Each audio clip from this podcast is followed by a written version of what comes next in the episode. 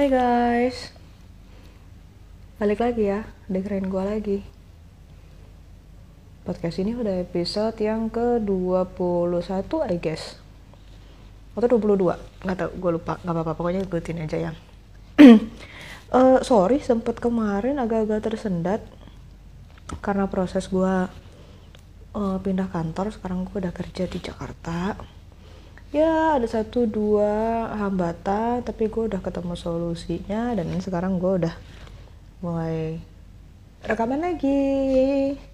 Untuk melanjutkan cerita-cerita gue menghibur kalian semua dan mudah-mudahan bukan cuma menghibur tapi bisa kasih wawasan kasih tambahan ide pemikiran atau apa pun lah pokoknya manfaat yang lain daripada cuma sekedar menghibur. Hari ini gue mau ceritain soal internship. Mudah-mudahan ini bisa selesai dalam satu episode ya. Berapa kali kok gue ngerekam pengennya satu episode eh tapi malah jadi dua episode. Terus malah atau malah lebih gitu. Kayaknya ada tuh yang gue udah selesai dua episode. Eh masih ada sisa-sisa ceritanya yang bisa selipin di episode berikutnya. Eh, nggak uh, tahu kita let it flow aja ya. Ya ceritanya mengalir aja. Gue ceritain apa adanya. Gak gue cut. Ini gue rekaman. Asal banget. Ya bukan asal sih maksudnya. Ya gue cuma seadanya doang. Gue cuma pakai handphone terus ngerekam juga di kamar gue aja.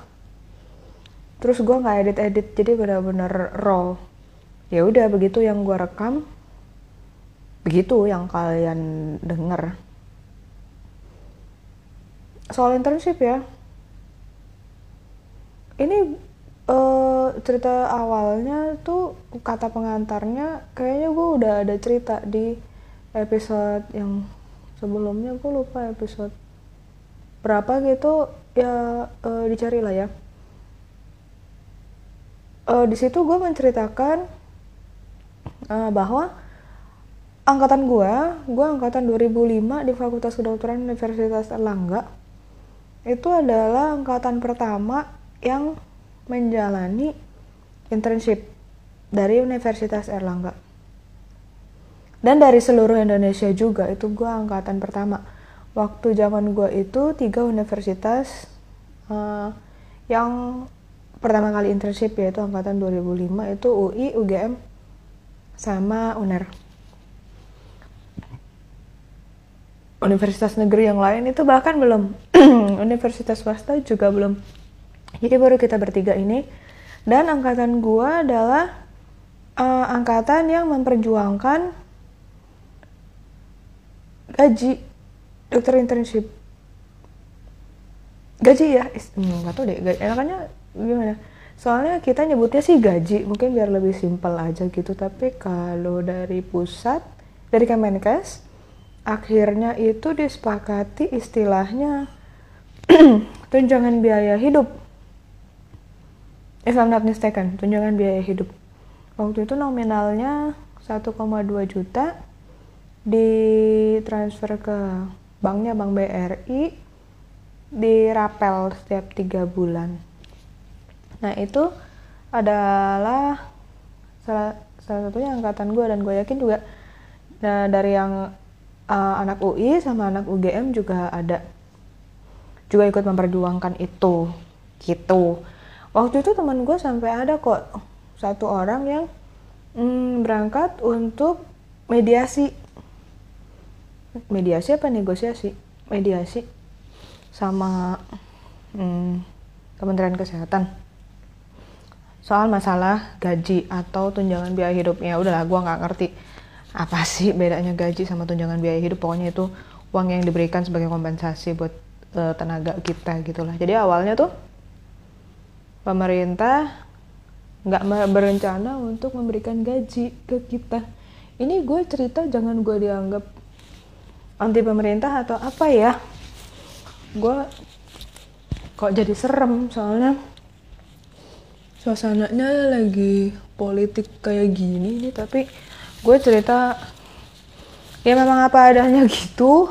Yang gue tahu kejadiannya kayak gitu. Terus oh ya menurut menurut pendapat gue menurut apa yang gue lihat itu seperti itu gue nggak ditunggangi oleh partai politik apa pun. Gak ada pesanan gak ada titipan. Pokoknya ceritanya gitu. Jadi pada waktu itu dan gue juga bukan hmm, apa sih? Bani apa gue? Cebong kampret atau apa? Enggak lah gue nggak ikutan bani-bani kayak gitu. Gue mau apa aja. Yang penting Indonesia makin maju gitu. Nah pada waktu itu pemerintah memang nggak nggak ada rencana atau tidak terpikir untuk memberikan gaji ke kita. Jadi itu kita yang memperjuangkan. Itu. Terus hmm, nah waktu itu itu waktu zaman gue itu sistem internshipnya menurut gue masih super friendly. Karena kan memang belum banyak yang menjalani baru tiga universitas. Terus dari pemerintah juga semi semi uji coba sebenarnya testing uh, kayak gimana yang terbaik gitu. Salah satunya pertama untuk memilih tempat internshipnya, istilahnya wahana, wahana internship. Jadi waktu itu uh, internship itu kan harus ke daerah daerah-daerah kan, paling enggak rumah sakit ke tipe B, C gitu, tipe B atau C atau D, pokoknya bukan rumah sakit tipe A Nah, tapi waktu itu zaman gue itu angkatan gue masih uh, ditempatkan di kabupaten-kabupaten di sekitaran Jawa Timur doang. Masih ada yang bahkan deket banget di Pasuruan. Waktu itu Pasuruan kan cuma satu jam paling lama dua jam dari Surabaya. Kalau sekarang kan uh, mungkin kalau kalian dengar-dengar cerita atau ada tahu-tahu dokter internship gitu tuh sampai di Papua situ kan. Yang kapan hari beritanya ada yang meninggal karena malaria itu uh, kan dokter internship tuh kan tapi dia sampai di Papua. Terus kadang tuh orang jadi bingung dokter internship tuh apa bedanya sama dokter PTT gitu. Ya udah itu terbelakangan ya gue jelasin ya. ya tapi ini gue ceritain dulu soal internshipnya. Ya itu udah makin ke sini ke sini soalnya kan universitasnya makin banyak. Sekarang kayaknya semua universitas itu dokternya harus internship. Nggak ada universitas yang nggak ada internshipnya. Jadi ya lo bayangin aja berapa universitasnya eh berapa fakultas kedokterannya berapa mahasiswa kedokterannya? Nah itu mesti disebar ke rumah sakit rumah sakit uh, di daerah-daerah. Ya lama-lama nggak bisa lah kalau cuma di Hmm. kota-kota kabupaten-kabupaten satelit gitu harus sampai yang jauh-jauh. Nah itu sejarahnya gimana mereka sampai bisa ada yang ke Papua ada yang ke Aceh ada yang ke Sulawesi mana dan itu statusnya internship. Sementara pada waktu zaman gue gak sampai segitunya juga cuma di sekitaran Jawa Timur nah gue waktu itu pemilihan wahananya pun masih uh, jadul banget ya, masih belum kemasukan teknologi. Jadi diundi. Kita masih menentukan kelompok kita sendiri. Waktu itu satu kelompok uh, eh, 15 orang. Jadi kita harus di, harus bikin, hmm, gua nggak ingat berapa kelompok ya. Uh, 14, 15 uh, kelompok untuk 15 wahana gitu. Nah, satu kelompok, kalau kelompok gua waktu itu isinya 15 orang. Nah, terus habis itu udah cuma undian doang undian untuk dapat di wahana mana kalau sekarang kan hmm, internship itu milih wahananya itu online nah jadi lo bisa aja nggak ketemu sama temen kampus lo karena uh, itu ya diacak dan di ditentuin lo berdasarkan memilih mana gitu. Terus kan rame-rame sama seluruh Indonesia gitu kan ngedaftarnya kan. Ya kalau lu daftarnya bareng-bareng milih di satu tempat sama teman-teman lu oh ya oke okay, mungkin masih ada kemungkinan lu bisa bareng kalau misalkan tempatnya nggak favorit gitu. Tapi kalau misalkan tempatnya nggak uh, favorit ya hmm, untung-untungan belum tentu lu dapat di situ belum tentu lu bareng sama temen lu dan lu bisa ketemu sama uh, anak dari fakultas lain. Ah itu yang gue tahu. Sekarang sekarang ini kayak gitu modelnya. Tapi waktu zaman gue dulu enggak. Dulu ya cuma kayak gitu doang. Kelompok bikin bikin sendiri. Terus wahananya diundi itu aja. Nah gue waktu itu ber-15 sama temen gue uh, kedapatan wahananya di Probolinggo. Dan Probolinggo-nya itu juga di rumah sakit uh, dan puskesmas yang bukan di kota Probolinggo-nya. Uh, di maju lagi kira-kira setengah jam 45 menit dari Probolinggo itu namanya Keraksaan hmm, pernah dengar kali ya? Kalau uh, di sana tuh ada pabrik kertas terkenal. Pabrik kertas Leces namanya. Nah nah itu masih area uh, kerjanya Keraksaan. Ya gue di situ. Nah internship itu sistemnya hmm, kan selama satu tahun. Itu terbagi uh, jadi tiga stase lah kita sebutnya stase ya. Tiga stase yaitu UGD di rumah sakit poli di rumah sakit sama puskesmas. Nah itu terbagi sama berarti 4 bulan 4 bulan 4 bulan. Gue waktu itu Uh, ah kan berarti kan jadwalnya dibagi jadi tiga kelompok ya. Dari 15 orang itu dibagi tiga kelompok lima orang lima orang. Ya gue waktu itu kebagian kelompok gue pertama kali itu stasenya di UGD habis di U eh iya gue pertama kali di UGD terus habis berikutnya gue ke puskesmas habis itu baru poli urutannya gue gitu. Nah hmm, ini kan pertama kalinya ya gua uh, bekerja di area eh gua anggap ini udah bekerja ya meskipun uh, secara prinsip sebenarnya ini setengah-setengah karena gue juga nggak jelas kerja yang nggak kerja tapi belajar ya juga udah nggak belajar gitu. Jadi prinsipnya internship itu ya lu magang kayak magang di rumah sakit uh, mengaplikasikan benar-benar terjun ke lapangan. Kan kalau misalkan koas itu kan benar-benar masih dibimbing banget kan sama uh, senior gak bisa membuat keputusan gitu karena ceritanya kalau di dokter internship ini boleh bikin keputusan tapi di supervisi sama seniornya. Nah coba kalian yang telah ada itu apa bedanya tuh? Beda sih beda sih. Jadi kayak ya kita udah sedikit lebih ada wewenangnya gitu. Nah gue ini ada pertama kalinya gue ke pergi tinggal dan oh yang merantau. Oke gue anggap ini merantau ya. Meskipun dia di Surabaya dia gue anggap merantau juga lah. Tapi kan hmm, itu kan sekolah ya. Dan ini kan udah mulai masuk dunia kerja. Gue gue ngerasa gue belajar sangat banyak. Gue mendapat pengalaman-pengalaman yang ini pengalaman-pengalaman akan menjadi bekal gue banget. Yang pada waktu itu gue nggak sadarin. Karena gue masih belum punya bayangan rencana masa depan gue bakal kayak gimana gue maunya kayak gimana.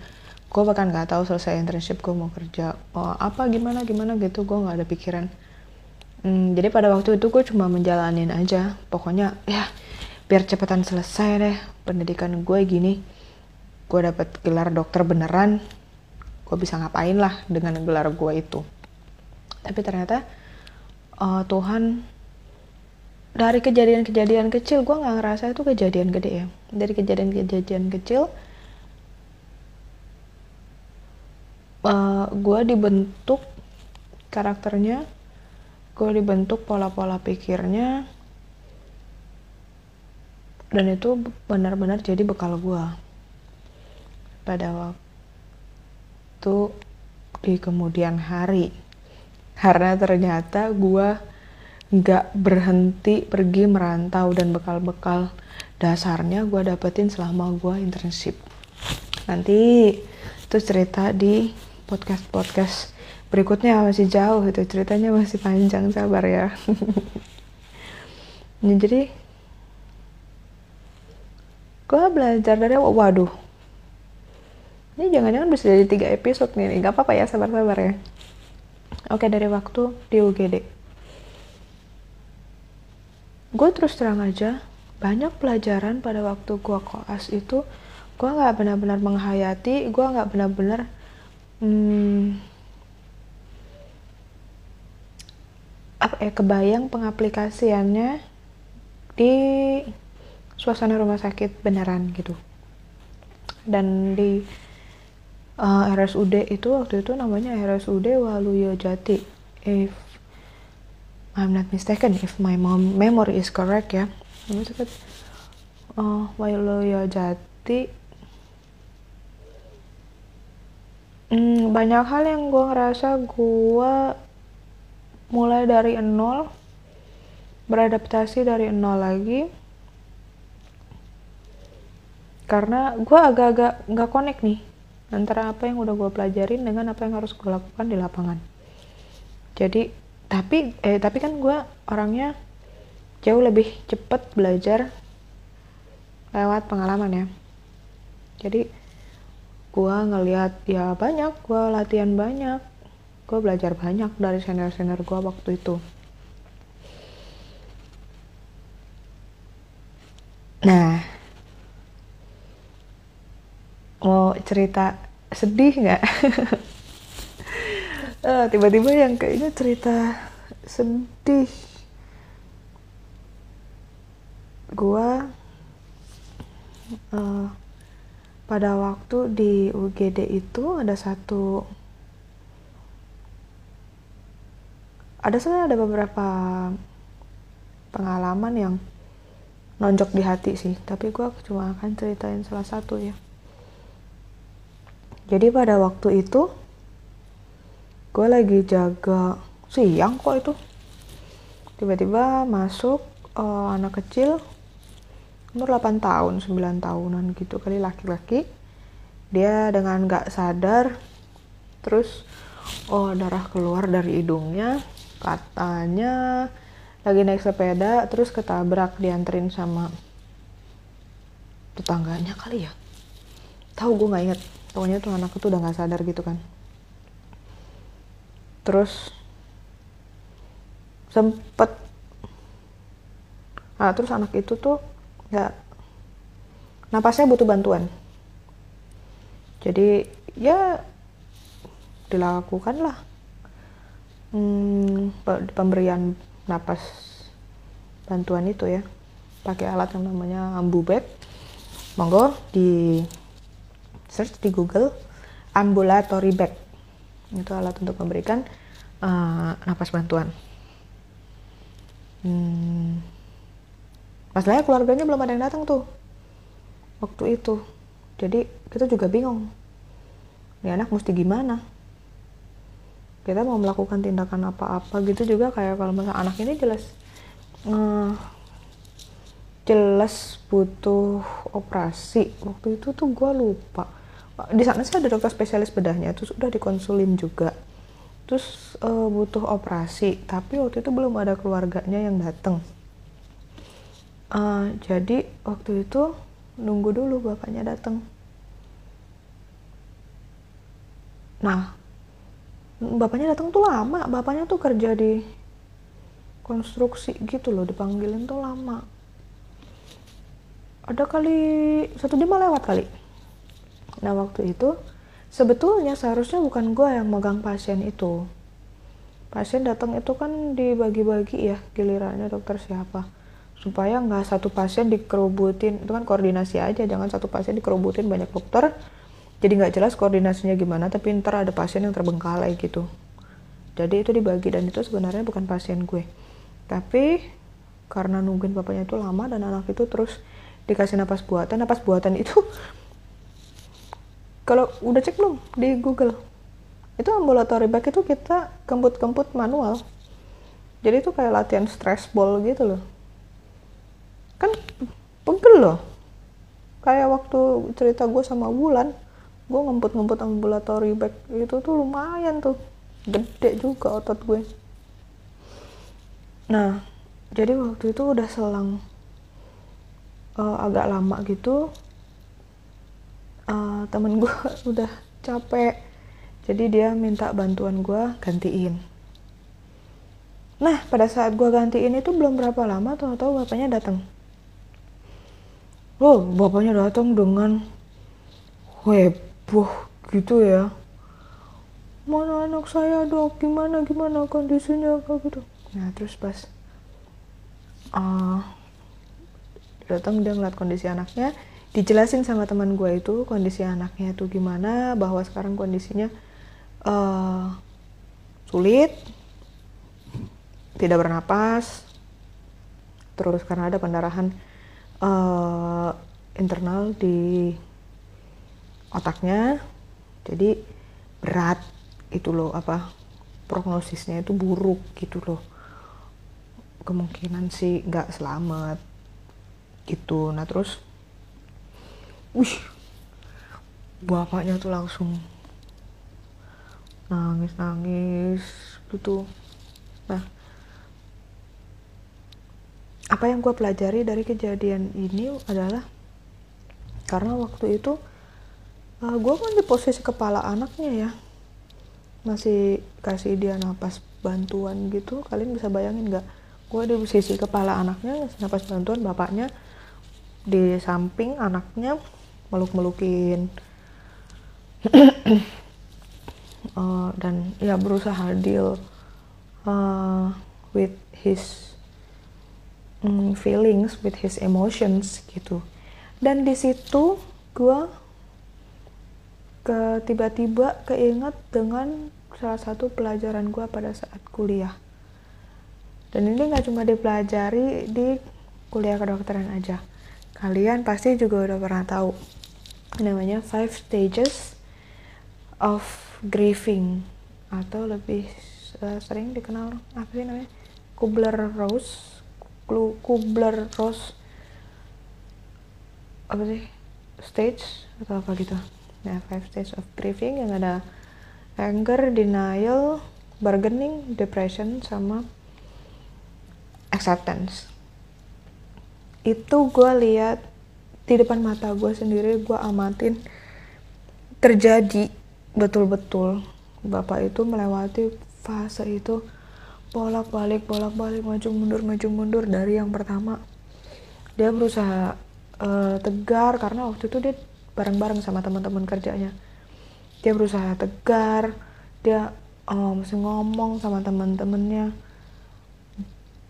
Tadi pagi nih anak masih seger loh masih sehat ke sekolah kok. Kok siang udah kayak gini? Terus uh, itu fase denial ya. Can you tell the difference? Itu fase denial. Terus ada juga uh, tiba-tiba tuh dia ngamuk. Anaknya digebukin loh. Gue sampai kaget lah bagaimana? Gue di sisi kepalanya tiba-tiba dia ngegebukin anaknya. Bapaknya gede loh. Dan anaknya badannya kecil lah anak umur baru 8 tahun digebukin sama bapaknya terus. Eh gue bilang dulu dulu pak. Duh anaknya udah kayak gini pak. Masih digebukin aja. Jadi terus dia marah-marah. Dia bilang goblok kamu le. Makanya kalau main sepeda tuh lihat-lihat matamu tuh ke mana. Tak bakar sepedanya habis ini nggak usah beli-beli sepeda lagi. Ya itu dia. Oh fase anger ya fase marah. Eh tinggal berapa lama lagi? Ada lagi tiba-tiba dia sujud gitu di samping anaknya nangis-nangis gitu. Terus dia bilang ya Allah ojo dicopot dulu ya Allah. Aku sih dorong esok nyeneng no apa tuh yang kalian yang bukan orang Jawa tahu gak ya Tuhan jangan diambil dulu. Aku masih belum bisa nyenengin dia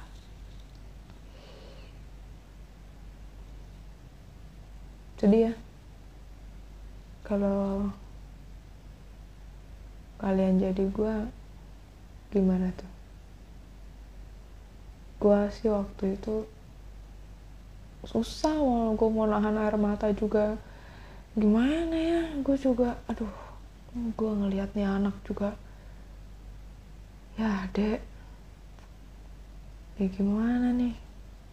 Terus bapaknya juga kayak gitu. Sedih gak sih? Lo denger orang bapak berdoa buat anaknya. Permintaan dan alasannya sederhana. Ya Allah aja dicupuk dulu ya Allah. Aku durung iso nyeneng no ih gue ceritain aja gue masih keinget tuh gue ya pengen keluar air mata lagi. Soalnya sedih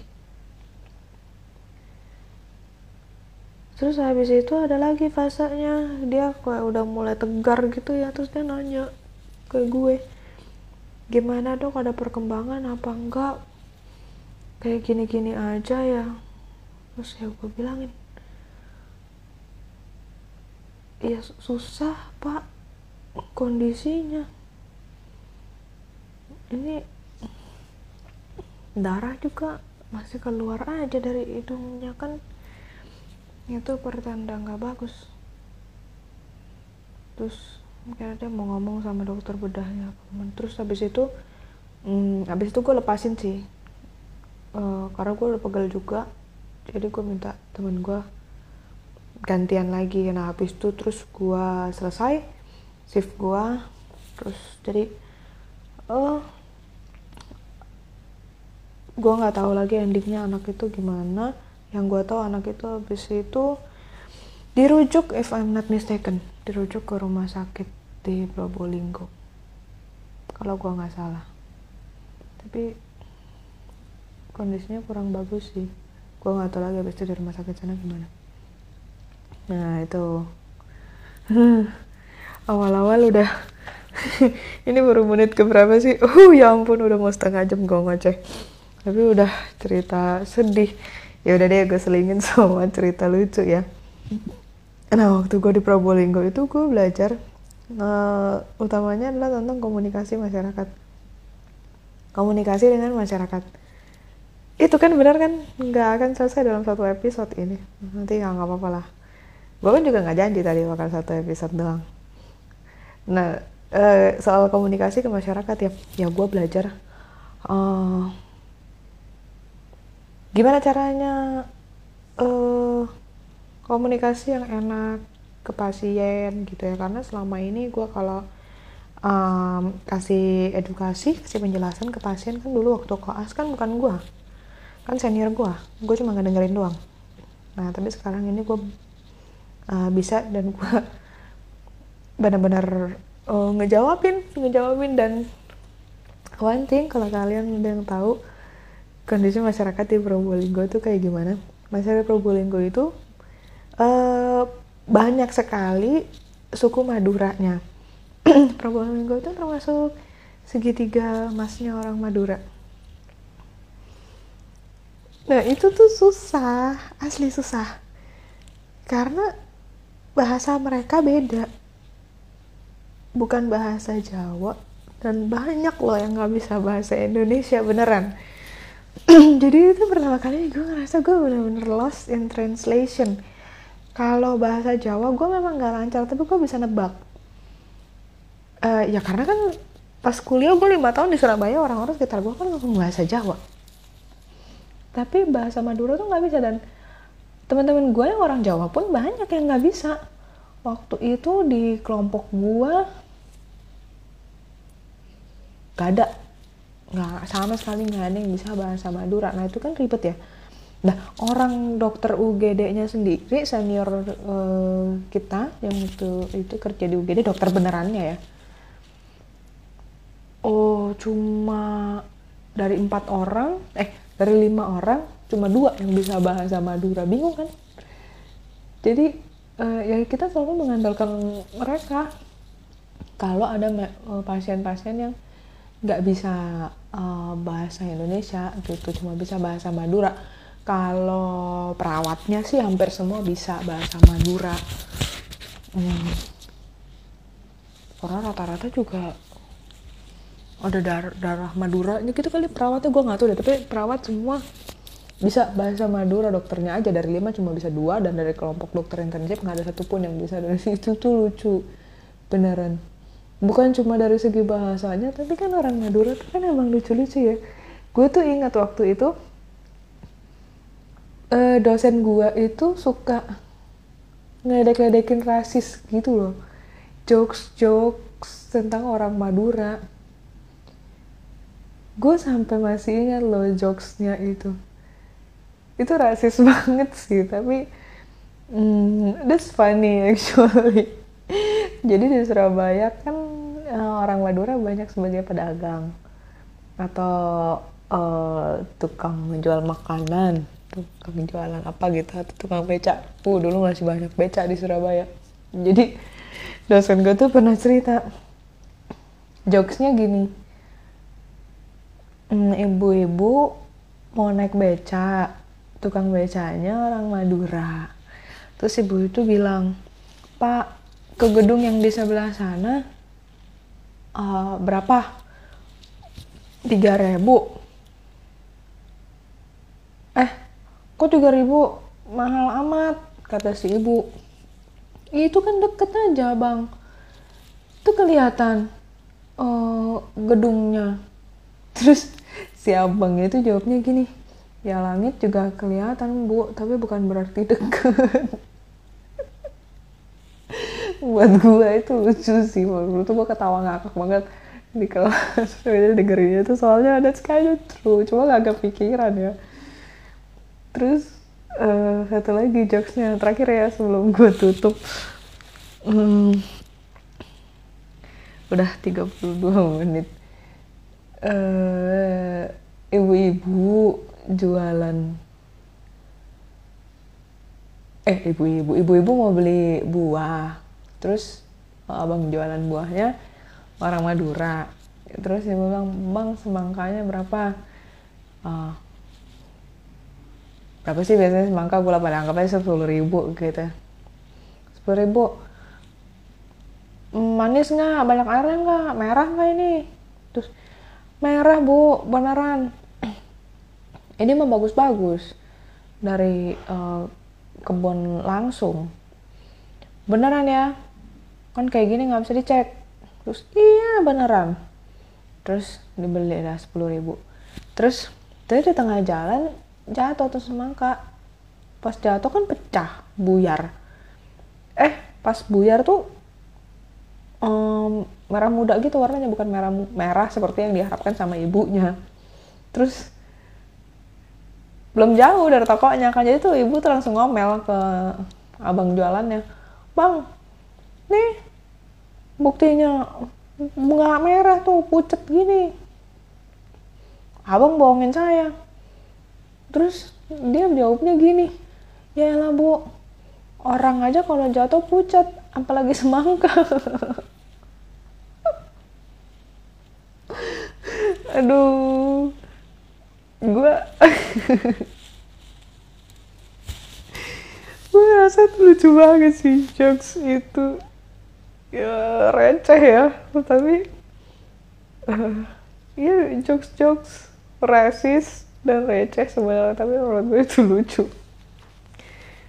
Menghibur banget. Atau mungkin cara dosen gue ngajarin itu di waktu gue di Probolinggo itu kayak gitu. Orang Madura tuh eh, mungkin bukan cuma orang Madura ya orang daerah. Orang daerah tepatnya sih karena setelah itu gue banyak pengalaman-pengalaman lain dengan orang daerah. Ya mereka tuh polos lugu apa adanya. Diomongin apa yang ada di pikiran mereka dilakukan apa yang ada di pikiran mereka. Nggak bingung nggak susah nggak uh, takut malu atau apa gitu. Jadi kita yang ngeliatnya kok lucu banget ya kayak gini. Kita ngeliatnya ih gemes gitu. Malahan. Nah itu. Hmm, terutama sih pada waktu di puskesmas. Kalau di rumah sakit nggak terlalu. Tapi kalau waktu di puskesmas kan kegiatan perempus jauh lebih banyak ya. Um, preventif jauh lebih banyak kuratifnya nggak terlalu banyak. Dan itu gue jauh lebih banyak berinteraksi dengan masyarakat ketika di gue di puskesmas. Tapi itu gue ceritain di episode setelah ini aja kali ya. Soalnya kuota waktunya udah nggak cukup uh, pokoknya intinya selama internship itu gue ngerasa uh, salah satu hal paling penting yang gue dapatkan adalah hmm, keluasan ke kemampuan uh, eh, gue bisa berkomunikasi dengan luas dengan masyarakat uh, sekitar yang istilahnya. Bukan dari suku gue bukan dengan status sosial yang uh, sama dengan status pendidikan yang sama um, dengan orang yang benar-benar berbeda dengan budaya yang berbeda status sosialnya beda lingkungannya beda uh, apalagi itu adalah area mereka bukan area gua karena gua adalah perantau gua pendatang di area mereka. Jadi uh, jelas uh, harus dari sisi gua yang menyesuaikan ya kan? Nggak mungkin meminta mereka yang ngikutin gue gue juga nggak bisa semaunya tapi pengalaman gue selama di Probolinggo yang menurut gue paling paling uh, membantu gue adalah itu kemampuan gue berkomunikasi sama orang dari budaya lain. Orang yang berbeda sama gue itu gue nggak pernah menyadari bahwa itu butuh skill khusus. Untuk lo bisa luas hmm, memanggil mereka dengan panggilan yang mereka inginkan.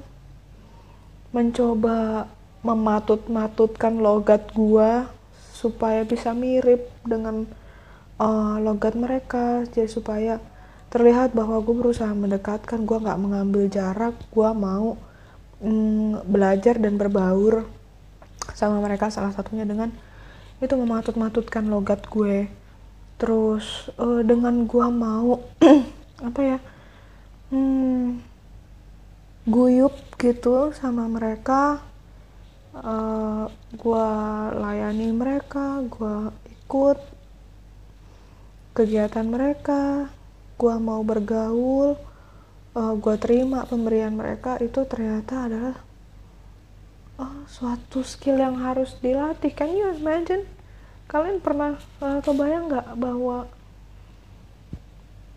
dibutuhkan skill khusus gak semua orang uh, bisa selentur itu kalau bicara dengan orang yang berbeda sama dia? Kalian bisa lihat ya sekarang fenomenanya.